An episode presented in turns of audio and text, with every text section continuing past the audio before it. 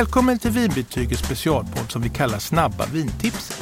Det gillar jag. Vad är tanken med det här då, Stefan?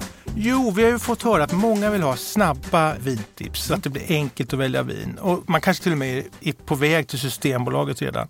Så vi vill ge snabba och framförallt säkra vintips. Man slipper få panik där på, på vägen dit. Ja. Ja, men då kör vi igång lite snabbt då. Vi har en lyssnarfråga från Emma. Hon säger Hej podden! Svårt att hitta vin som passar till sushi. Tacksam för hjälp. Det kan jag väl i och för sig förstå. Det, det måste vara snårigt. Ja, det är en bra fråga från Emma, absolut. För sushi är jättesvårmatchat. Mm. Om man tänker vad det är, det är ju rå fisk, det är då stark sån här wasabi, det är ris, det är soja. Det är liksom inga vinmatchningsgrejer nej, egentligen. Nej. Så det här gör ju att det är många viner som går bet här. Mm. Vita torra viner funkar inte. Nej. Eh, nästan inga röda oavsett om de är fylliga eller lätta eller mm. vad de nu är. Det, det går inte något vidare. Så jag tror ju att Emma blir lycklig av ett vitt vin som är gjort av druvan Riesling till sin mm. sushi. Mm. Men inte vilken Riesling som helst, för även där så finns det liksom graderingar i, mm. i sötma och torrhet och sånt där. Utan det här ska vara en Riesling som är extra fyllig. Mm. Och den heter Kloster Eberbach Riesling. Och den finns i flera varianter.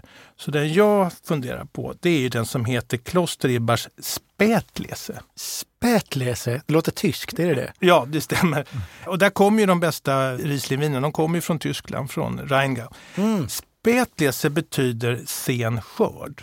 Så att de här druvorna, de hinner få en ordentlig mognad och fyllighet. Mm. Och så får de även då upp andra halter, fruktsocker etc.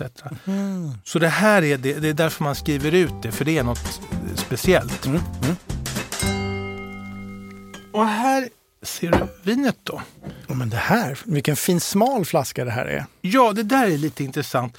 Rieslingviner. Eh... Ja, för visst är det andra Rieslingviner som också har en sån här smal? Ja, det är så de ser ut. Mm. Och det finns en, en förklaring till att förr när man fraktade vinerna på båtar, eh, mm. pråmar, va? då så var det mera utrymmeseffektivt att ha långsmala flaskor. Ja, ja, ja såklart. Just det. Och samtidigt tycker jag det är en väldigt vacker flaska. Ja, den är precis. Det, det är den verkligen. Sen är det faktiskt lite kloster på den här.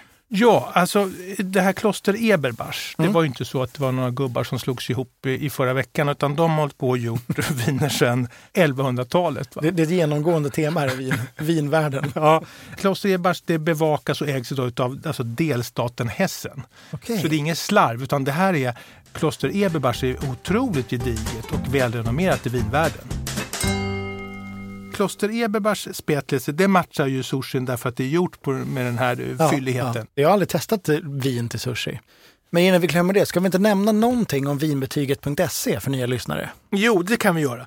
Alltså vinbetyget bygger ju på att det är svårt att välja vin på Systembolaget och komma ihåg vilka viner som får höga betyg i tidningarna. Det är korrekt. Ja, så vi har en databas där vi sammanställer recensioner från pålitliga media mm. och så räknar vi ut vilka viner får högst totalbetyg. Det räcker mm. inte liksom med ett betyg för att komma med på topplistan. Nej. Och nu har vi liksom röda topplistor, vita topplistor, champagne-topplista, prosecco-topplista, rosé-topplista etc.